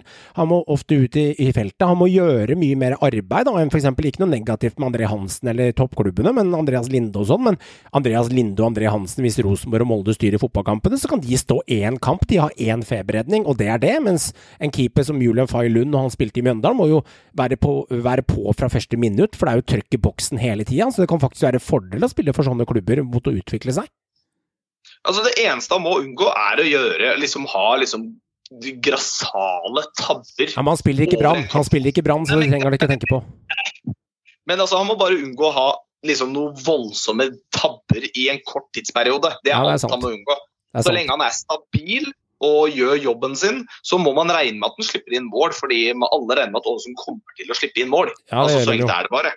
Ja. Så jeg er helt enig, Johan. Det er, altså, det er en en bra måte å på en måte komme seg litt ordentlig inn i gamet igjen. fordi du på en måte, ja, du blir skutt god, og du har råd til å gjøre en feil. Om Sten Grytbust gjør tre feil i løpet av neste, denne sesongen, så, så er det ingen som husker han for det hvis den har stått greit resten av tida. Om André Hansen gjør tre feil, så vil folk huske det etterpå. Ja, ja, ja. Det er helt For det, for det blir så åpenbart, for han er skyld i liksom da 20% av alle målene 20-30 av alle målene Rosenborg slipper inn, for å si det sånn. da. Ja, ja. Jeg husker jeg så et intervju med André Hansen angående det der. for de snakket litt om å stå, Han snakket om å stå keeper i f.eks. Lillestrøm eller Odd da når han spilte der. Han hadde jo en katastrofal første sesong der. Han var ikke så veldig bra i Lillestrøm, og det er ja, det jeg husker. Hvis noen andre husker noe annet, så meld gjerne ifra. Men i Odd var han jo strålende, men i Lillestrøm var det litt bob-bob. Men da han kom til Rosenborg, så sa André Hansen det er to måter å stå keeper på. I Odd så ble du pepra hele tiden, men i Rosenborg så kan du være ute av matchen i 78 minutter.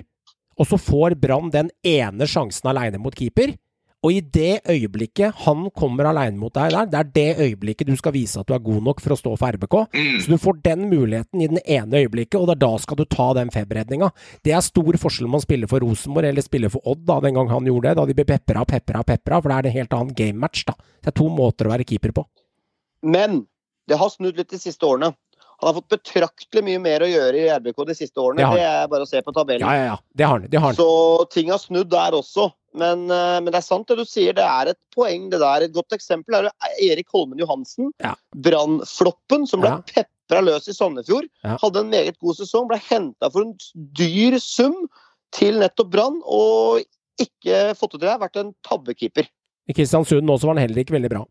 Så nei. Nei. Det er eh, store forskjeller mellom Ikke at vi kan så mye om keeperarbeid, jeg bare henviser bare det jeg så på intervjuene. Men eh, det er litt interessant det der på hvilken approach du tar i hvilken klubb. Sandefjord.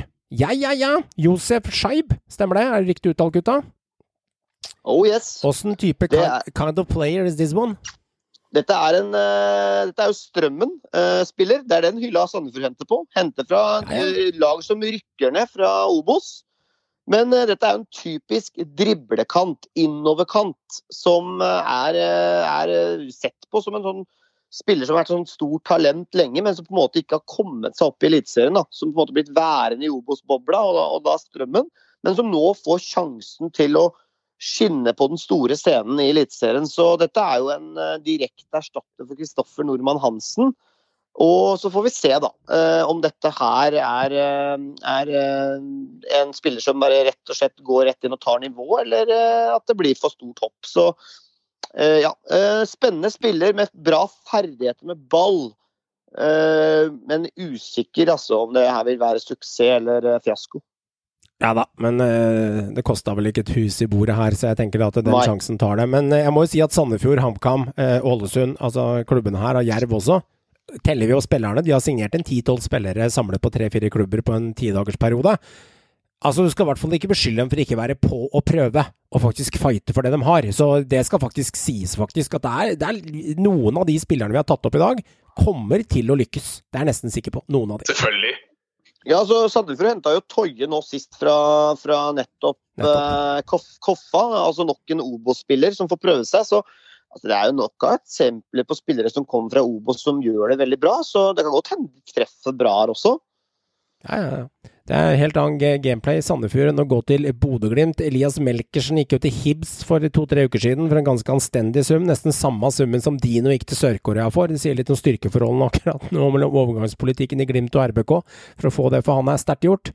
Og så i tillegg så snakker vi om eh, Runar Hauge har nå eh, tatt steppet ut, og da blir de lag, lagkompiser. Ender, med, eh, ender i samme hybel, det Håvard, eh, borti Hibs der. Hiberian. Oh yes, det blir Bodø-hybel eh, i, i Hiber Hibernian der. Så det er lillebror Hauge som er veid og funnet for lett. Uh, har egentlig bare spilt uh, i Obos-ligaen, vært utlånt til Stjørdalsblink osv. Og, så og egentlig ikke fått det til. Og ja, ennå ung, men plutselig er han i skotsk Premier League. Så det er vel også en helt OK sum, uten at jeg vet eh, nøyaktig sum. Men dette er en spiller som har veid og funnet for lett i Glimt, og Mm. ikke ville fått noe særlig spilletid. Så det tror jeg er et helt greit salg av Glimt, og sikkert for Hauge selv også, som får prøve seg i, eh, i Skottland.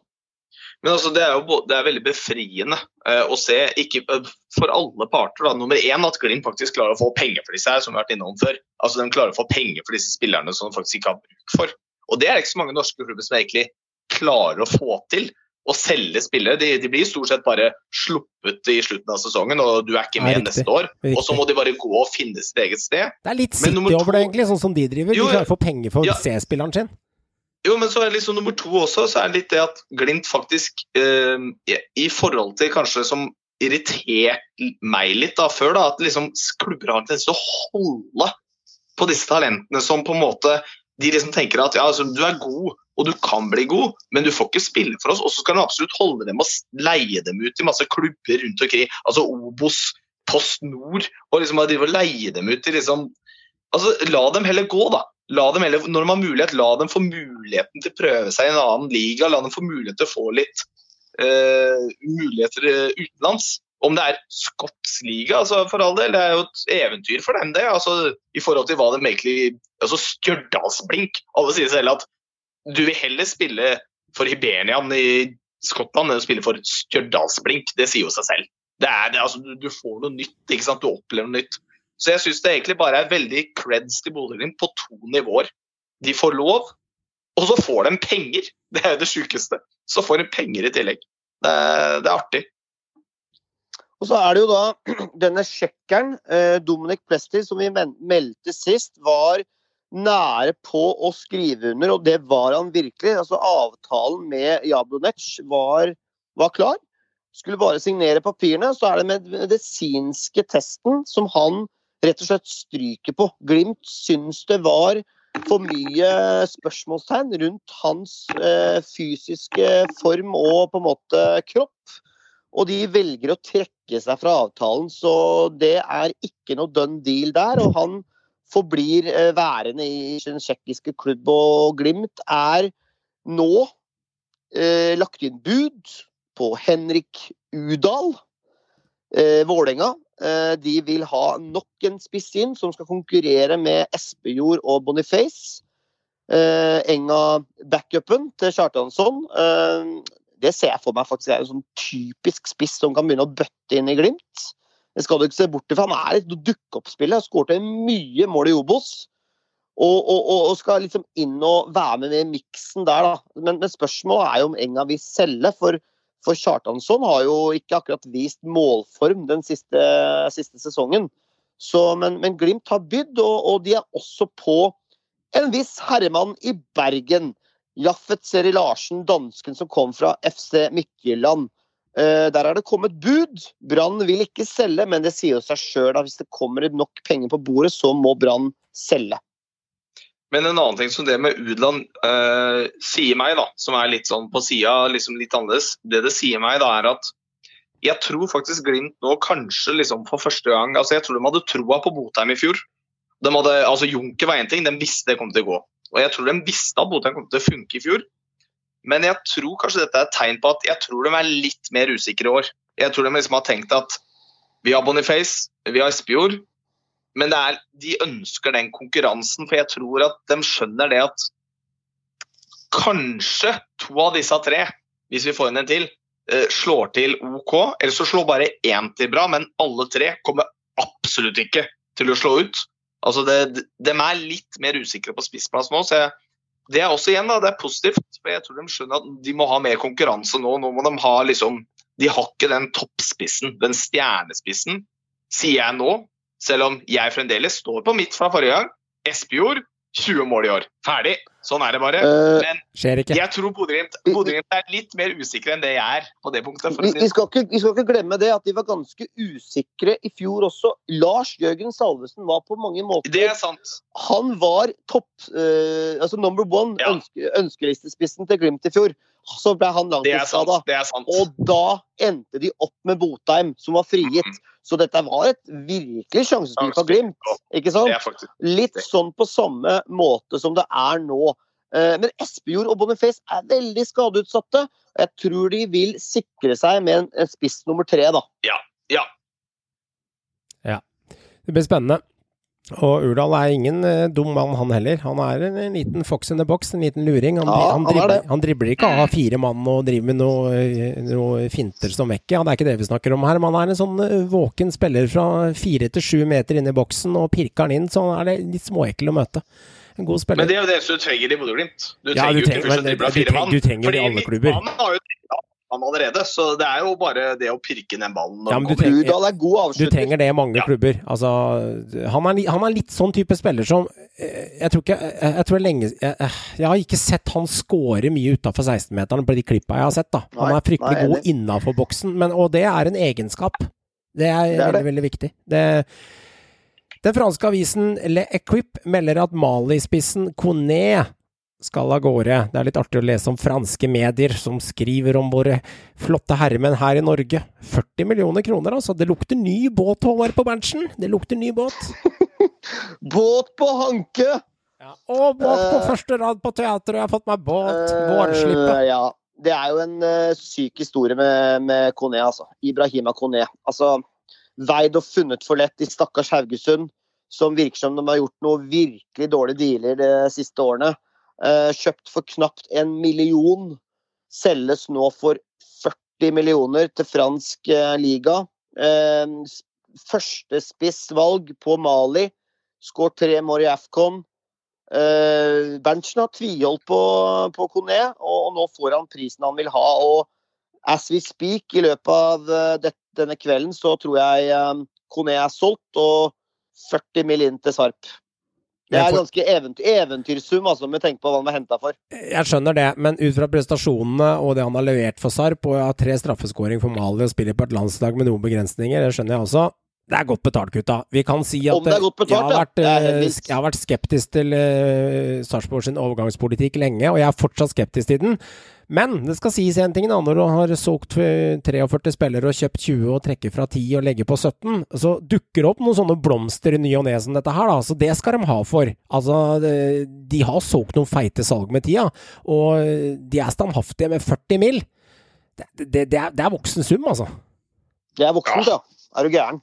For en klubb som egentlig liksom ja, med veldig få unntak har klart å karre seg noe særlig over midt på nedre del av tabellen eh, i og det, liksom. Så tenker jeg på spissen generelt òg, Joakim. Altså, han er en bra spiller, men, men klart, det, det, er, det er ikke sånn at det, altså, De, de, ja, men Johan, de sendte han bare den tapen av Han skårte fire mål på én kamp, gjorde han ikke det? Nå? den bare sendte, han sendte tapen av den kampen, og så bare Se her! Og så bare ah, 40 mil. Men de mener han tydeligvis er verdt det, noe som de betaler for det. Men det er sikkert et råmateriale der, og potensial videre her òg. Men jeg syns det er mye, mye penger. Altså, for uh, han har jo ikke akkurat Han har jo ikke revet ned tribunen spillemessig i 2021 Nei, heller. det har han ikke. Nei, han er, han er en kraftpakke. Han snakker språket. Han er fransktalende. Ja og, han, og han har markedsført seg bra ved å være førstespiss på Mali. Eh, han er en fysisk kraftpakke. Og, og, og uh, Laurier, som er klubben, og Nantes er det som har vært på, en måte på, men det er sannsynligvis Laurier som han kommer til å dra til. Uh, altså det er et, lag som, som, som skriker etter en målskårer. De sliter i fransk liga. Men kjøper de en målskårer her? Altså, kjøper det er de en spørsmålet, garantist?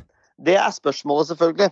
Men, men det er ikke noe tvil om, når du tenker på hva han kom for, altså én mill. For et, knapt et år siden. Nå er det 40 mil ut, altså. Det det er god butikk av Sarp. Ja, Det er ikke noe tvil om, men det sjukeste også er jo ikke sant? Altså, Men ja, han spiller jo toppspiss på Mali, og det, det er én ting, men Og er det liksom sånn Han skåret tre mål. alle på straffe. Og det er liksom sånn, det er liksom sånn du, det, ja, men det legger litt grunn til det Johan er- sier. da, ikke sant? Altså, han, var, han, var, han var god i fjor. Han Ja, var det for. Sarpsborg. Men han var ikke noe kjempestorskårer. Og halvparten av måla ble skåra i én kamp, nesten. ikke sant? Altså, det er ikke noe sånn derre Altså, jeg Og føler så, gutta og så skårer du tre Ja. mål. Alle på straffe. Og da blir det sånn der, Ja, men det skal du jo skåre på. Du er spiss. Spiss skal ikke bomme på ja, straffe. stort sett i hvert fall 85 sjanse for å skåre. I norsk eliteserie 62. Men eh, men jeg må si en ting som er interessant. Er at hvis, hvis du koster 40 millioner kroner mer av han, burde ikke han vært på hvert eneste fantasy-lag i 2021? Eh, blant de spissene på toppen som du setter opp først, sammen med Veton, OI og han eventuelt. Men han var jo ikke Jo, men husk Jeg tipper at det var kanskje 3% som hadde han i laget sitt. Ja, men, ja, på fantasy, ja. Men han- Det var faen meg fantasy å si det store og hele. Spilletypen Det har ingenting å si, for spilletypen han er, så, så er ikke han som nødvendigvis drar eh, alle poenga. Men han legger opp til at spillerne rundt ham får en del flere poeng òg, for han binder opp mye rom. Mm. Skaper mye rom for spillerne rundt seg òg. Så det er jo er kraftpakke, altså. kraftpakka. Ikke sant? Det er jo totalpakka du får med Kone, da, eller Men, men Det det fungerer veldig bra. Det er Mm. voksen sum. Jeg, jeg, det er jo imponerende av Sarpsborg. Du kan jo ikke si noe annet. Det er helt fantastisk av Sarpsborg å selge til den summen der. Og kreds til Berntsen som klarte å ha is i magen og vente. Ja, ja, det er kreds som faen. Altså, han skulle ikke Det hadde selge ikke jeg tørt. Han skulle ikke selge Kone før etter det mesterskapet. Han visste han kom til å få spilletid. Og nå har han skåret tre mål, riktignok på straffe, men mål er mål, ass. Eh, Mål er mål. og og, og han, han har spennende egenskaper. Det har han. Ja, ja. Altså, altså, altså vi, kan, vi kan tenke som Ibrahim Awaji-gutter, som var enorm på sitt beste. Han skårte ikke mye mål, han heller. Han ble, ikke, han ble solgt for en under ti mil, altså. Mm. Og han var kanskje en bedre spiss. Kan du tenke deg den butikken her, som Sarp gjør? 40 millioner. Altså, jeg tenker i bunn og grunn hadde de fått et bud på 18-20 millioner kroner for han, det eneste klubben hadde meldt seg, var en fransk eliteserie- eller førstedivisjonsklubb, Ja, men det har de fått. Ja, og de de har sagt nei. da, da, da, sannsynligvis, da, så hadde, hadde jeg solgt den på dagen uten at de har noe kunnskap om det her. Men det sier litt om at. Berntsen har litt heft for dette her òg, da. Ja, ja, ja. De har fått masse bud, og de har sagt nei og nei og nei. Og nå begynner det å tikke inn summer som er akseptable, og da selger de. Og det syns jeg er respekt. Begynner å sparke goal i treningskamper eh, nede i Spanialand, og Enga de tapte mot Krasjnador med altså Botheimen eh, og greier. Det var litt avi, avisskriveri, vet du. Gamle lagkamerater og mye styr, og det sto litt greier her. Ta- Tapte i hvert fall 1-0 der, og Kjetil Haug har signert ny kontrakt med Enga, og så spilte tre debutanter fra starten der for Vålerenga. Så jeg er spent på dette Vålerenga-laget. Jeg kan diskutere litt grann Enga før vi hopper til det magiske Obos-hjørnet. Vålerenga. Altså jeg tenker! Ja, det er- sjuendeplass, det, det veit vi. Men Ja, jeg tenkte litt på liksom, Nå blir det på en måte litt andre sesongen her til Fagermo. Litt fulle, store. Har fått på plass Hedenstad, fått på plass litt brikker. Og så har de mister dem på en måte eh, Har de ikke Dønnum og Kjartan fra starten av sesongen. Og det er litt folk som har gått ut der også. Hva er det vi kan forvente egentlig av dem i år? Altså, kommer de til å være med å danse høyere, eller kan vi forvente den klassiske sjuendeplassen? Deres tanker? Altså, min første tanke er jo det at altså, de bør danse høyere. Om, altså, fordi nå er liksom du, Egentlig mente jo jeg de burde danse høyere i fjor. For å fortsette på uttrykket de må danse høyere. Som også er et veldig sånn spesifikt uttrykk. Å uttrykk. danse høyere, Jeg har aldri hørt det uttrykket. Det er et. Det er Her veldig rart. på nye uttrykk. Johan-uttrykk. Det er ikke det er Johan-uttrykk. Det er det der. Det er korrekt. de bør det. Eh, om de gjør det, det er en helt annen sak. Og det er rett og slett fordi jeg vet, altså, Se på fjoråret. Jeg ser liksom ikke helt nødvendigvis at de er forsterka. Det er de jo ikke. Eh, det er liksom det samme laget. De må få inn et eller annet. De må gjøre noe. Ellers så må han bearbeide de spillerne han har, og ha fått dem inn på riktig, eh, riktig spor. Jeg mener jo selv at om en, en trener skal få eh, nei, Vålerenga opp på et nivå, på medaljenivå igjen, så er, bør Fagmo være en riktig mann, egentlig. Men jeg klarer ikke å se det ennå. Så nei, enn så lenge så er det sjuendeplass. Det det, det er liksom der jeg ser dem enn så lenge. Jeg tror de blir bedre. Eh, Jeg tror det er et spennende grep å kjøre Saroui som kant. Altså, han er driblekant, han har X-faktor, han kan dra en mann. Veldig spennende med Odin Tiago Holm. Han skal drilles som sentral midt. Han skal styre butikken. Han kommer til å få et ordentlig gjennombrudd, hvis han ikke allerede har fått det, tror jeg. Og så har du løpssterke sånne hester som Bjørdal og Strand, som løper der de spyr som skal spille indreløpere på 4-3-3. Og så tror jeg at Kjartansson Ørnen eh, viser litt av gammel storhet, så de kommer seg et par plasser oppover. Og så har du jo han Ingasson og Hedenstad, nykommerne, som jeg tror også er et knepp opp. Så men Enga trenger nok noe mer for å være med å danse opp medaljekamp. Men jeg tror de får en eh, par plasser opp. Det tror jeg. Og at de kommer til å være med å danse litt høyere opp på tabellen, det, det, det føler jeg meg sikker på. Problemet er at det var akkurat det vi sa i fjor òg. Jo Og det er der jeg liksom Jeg har ikke lyst til å brenne altså, jeg det liksom, er, altså, Vålerenga er som, er som uh, grevinnen og hovmesteren, eller her- herremesteren, Ja, ja. var etter jula. Det er, Men- det er last position as last year. Det er samme hvert eneste år. Men om det blir sjetteplass, åttendeplass eller sjuendeplass, er liksom, altså, da er det sjuendeplass. Altså, Ja da. Altså, det er liksom, skal du ta et steg opp, da må de slåss om medalje. Det er hele poenget. Altså, jeg mener at Det er Ja. ikke noe sånn steg opp her å havne på femteplass. Det, Nei, da er du på tvil. Ja, du er det poenget på mange måter, men jeg, jeg tror kanskje det ikke det blir medalje. Jeg tror ikke det blir medalje, er men, eh, men for et par da- år siden tok de jo nettopp medalje, da. Så vi får se. Vi får Og det er det de Gutter, Obos-hjørnet, der tar vi noen minutter med det. Det Avslutter med det i dag. Det blir spennende. Før vi, før vi begynner på Obos-hjørnet, beklager, jeg må bare skyte inn. Mm. Uh, for det har tikka inn uh, fra sida her nå at uh, Sebastian Sebulonsen nå er enig med Gent. What? Ja. Oi. Det står ikke Shit. noe sum. Det står bare at på deadline det nå TV 2 erfarer Sebulonsen er enig med Gent. Da Viking, mister da. eh, med- Viking en god bekk. Ja ja, spennende. Ja.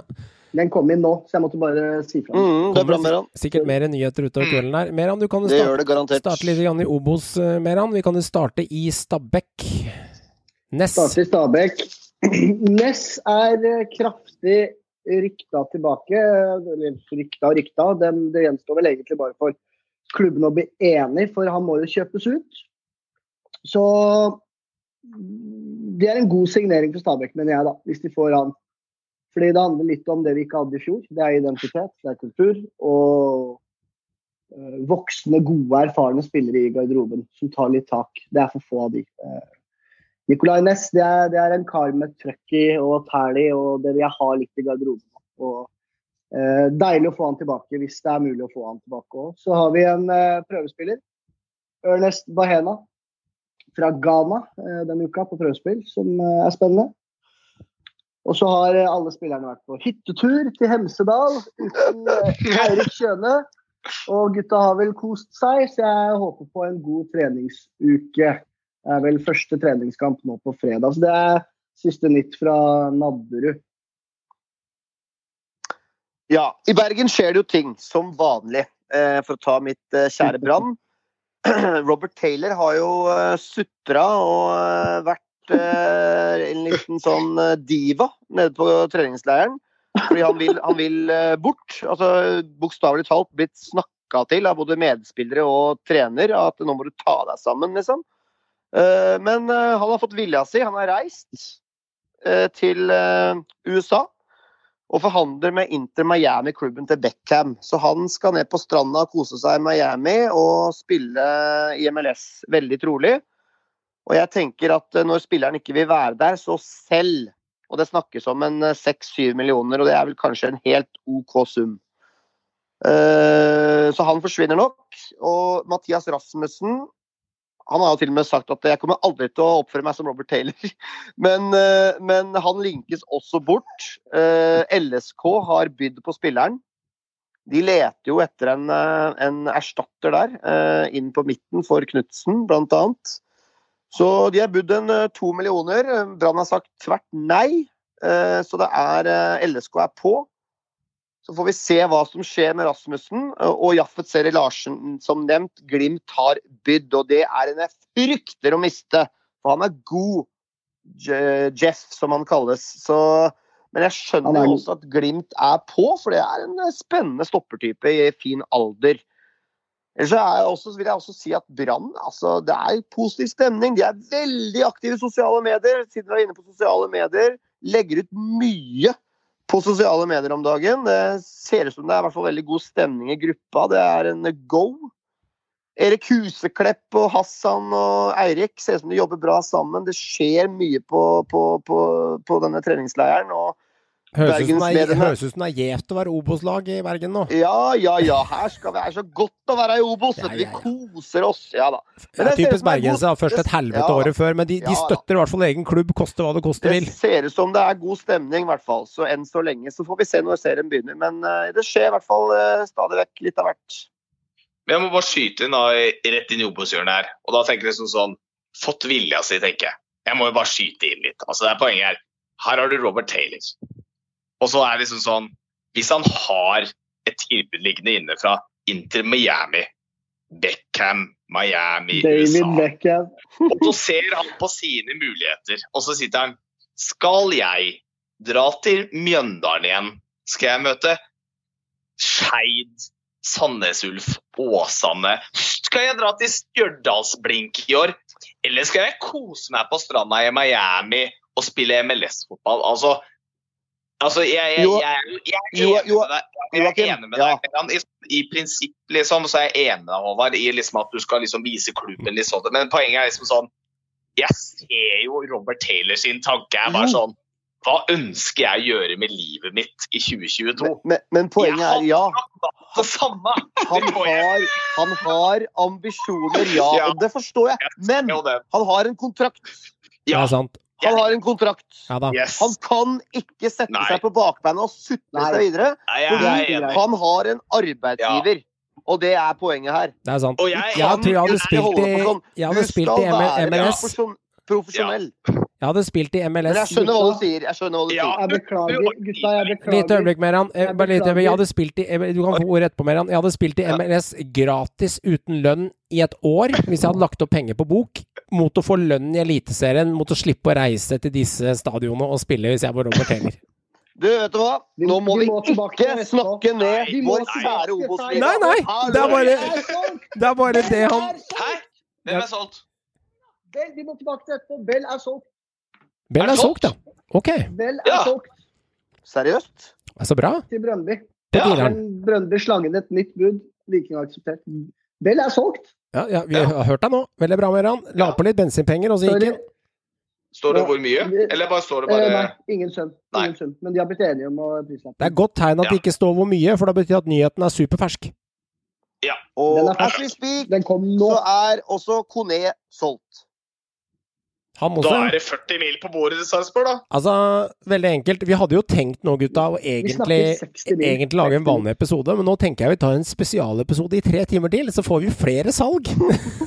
Vi kommer til å holde på til klokka tolv! Vi sitter bare live og bare melder inn salg. Det er det vi gjør. Sorry, Vi lager jeg en avbryter. deadline day spesial her, vi nå. Er deadline day spesial på slutten her? Ja, men det er hyggelig. Ja, da ble det litt men eh, skjedde det litt på slutten, da. Ja, Bare- det er Beklager. koselig. Måtte, det var viktig avsporing. Viktig avsporing. Ja, Det var det. Så, så ellers, så i disse Obos-ligaen, så har vi også en eh, artig liten sak med juvelen til Fredrikstad. Ja. Og det er jo. Taofi- Ismail, som også er på vei til Laurier, klubben som eh, nå har kjøpt Kone. Eh, det ryktes sterkt. Mm. og det er nok en del kroner de også må ut med der for Fredrikstad. Vil ikke selge han for altså i hvert fall 10 millioner skal de ha for han. Ja. Eh, det, det ryktes det. Så, så det er en voksen sum for SFK. Men selvfølgelig også et stort, stort tap. Det er jo X-faktoren de har, det laget der. Ja. Så eh, Vår kjære Obos-liga, det, det skjer litt av hvert. Og jeg tror det kommer til å skje enda mer nå framover, for nå er vinduet stengt i utlandet, og da kommer det mye kokosoverganger, altså. Veldig bra. veldig bra. Kjære lytter, tusen hjertelig takk for at du lytter til Synseligaen, og takk til Eurosport og Bru for Nyklipp i denne episoden. Gå inn på Dplay og Discovery Pluss for å få tilgang til hele Eliteserien der hvor du er. Gratulerer Sarpsborg med 40 klink i bordet, og gratulerer Berntsen med ny båt. Vi snakkes neste uke. Hei så lenge. Men det er jo ikke sånn at bohemen etter Vålerenga på 60-tallet At vi kan spille med de på 2020, i 2020. Det, er toppidrett i dag. Fucking joke, de der jævla måla vi slipper inn. Det er, det er piss. Vi har vært bunnsolide i, i hele oppkjøringa. Nå har vi sluppet inn ja, fire-fem pissemål. Det er jævla kjedelig å trene, så det er mye bedre å bare ligge og sole seg og så spille kamper. Så det her er perfekt. I wanted to wish happy birthday, but it was already going go away.